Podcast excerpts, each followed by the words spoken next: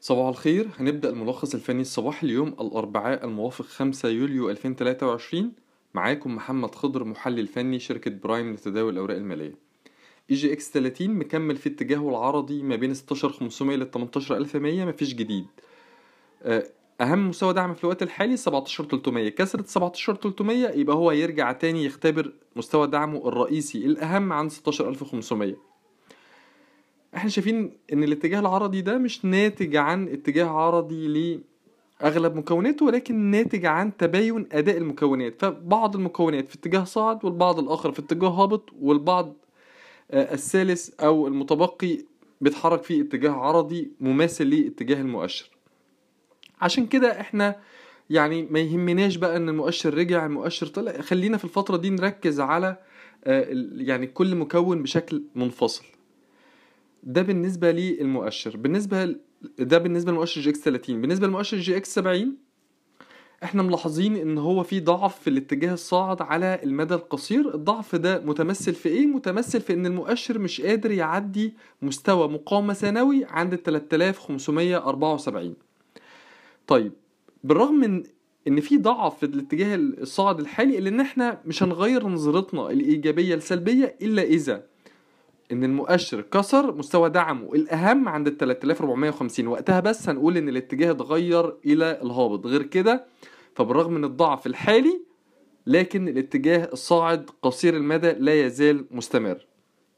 بالنسبة لي ملاحظات التداول النهارده أول حاجة عندنا آه، آه، أوراسكوم أوراسكوم Financial Holding اللي هي OFH اللي إحنا شايفين إن هي ابتدت تدخل في عملية تصحيح اللي هي بدأت من 35 قرش وده طبيعي بعد موجة ارتفاع بدأت من ال 18 قرش وص- وصولا إلى ال 35 قرش. طيب موجة التصحيح دي ممكن تنتهي فين؟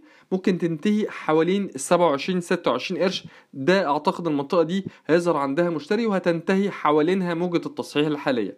هو قفل تحت ال 30 فإحنا حطيناه في تقريرنا الفني اليومي تيك توك مع توصية بشراء الانخفاضات. توصية مدى قصير طول ما هي بتتحرك فوق ال 25 قرش نظرتنا عليها إيجابية. النظرة الإيجابية دي بتتمثل في إمكانية بدء موجة ارتداد من منطقة الدعم ما بين ال 27 قرش لل 26 قرش وصولا إلى ال 32 35 منطقة المقاومة دي. آه، مستوى في الخسارة زي ما قلنا عند ال 25 قرش. تاني حاجة عندنا النهارده في ملاحظات التداول إيبيكو للأدوية اللي نظرتنا عليها اتغيرت إلى إيجابية بعد ما كسر ال 27 ونص. طب هو بعد ما كسر ال 27 ونص ممكن يروح فين؟ ممكن يروح 29 ونص 30 ونص منطقة المقاومة دي. أخيرا عندنا شارم دريمز واللي نظرتنا عليها إيجابية بعد ما حجم التداول خلال تعاملات جلسه امبارح ارتفعت بشكل كبير تجاوزت ال 3 مليون سهم. طيب هي أصلا Sharm Dreams بتتحرك في اتجاه عرضي ما بين ال 6 جنيه وصولا إلى ال 9 جنيه واتجاه عرضي واسع النطاق أحجام التداول المرتفعة دي بتقول إن هو ممكن يكسر ال 7 جنيه. 40 وده أول مستوى مقاومة ثانوي بعدها 7 جنيه 70 وده مستوى المقاومة الرئيسي.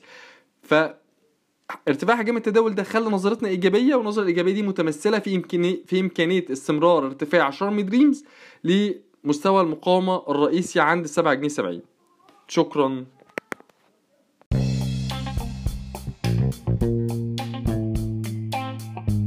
يرجى العلم أن هذا العرض هو لأغراض معرفية فقط، ولا يمكن اعتباره عرض أو توصية شراء أو بيع أو إدارة استثمارات أو خدمات استشارية. ينصح باستشارة مستشارك المالي قبل اتخاذ أي قرار استثماري، علماً بأن الأداء التاريخي ليس مؤشراً يعتمد عليه لتحديد الأداء في المستقبل.